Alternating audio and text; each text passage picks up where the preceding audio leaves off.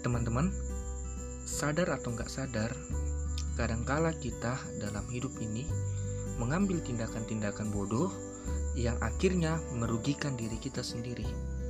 Sama seperti halnya dengan kisah istri Lot. Karena kebodohannya, akhirnya ia binasa. Di mana letak kebodohannya? Letak kebodohannya ialah ketika ia mempertahankan apa yang seharusnya dilepaskan.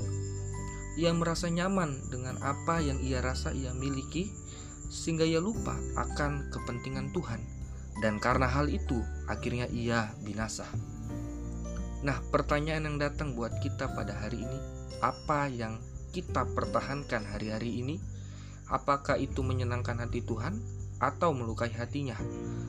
Jadilah orang yang bijaksana, yang mengerti dan melakukan apa yang menjadi kepentingan Tuhan.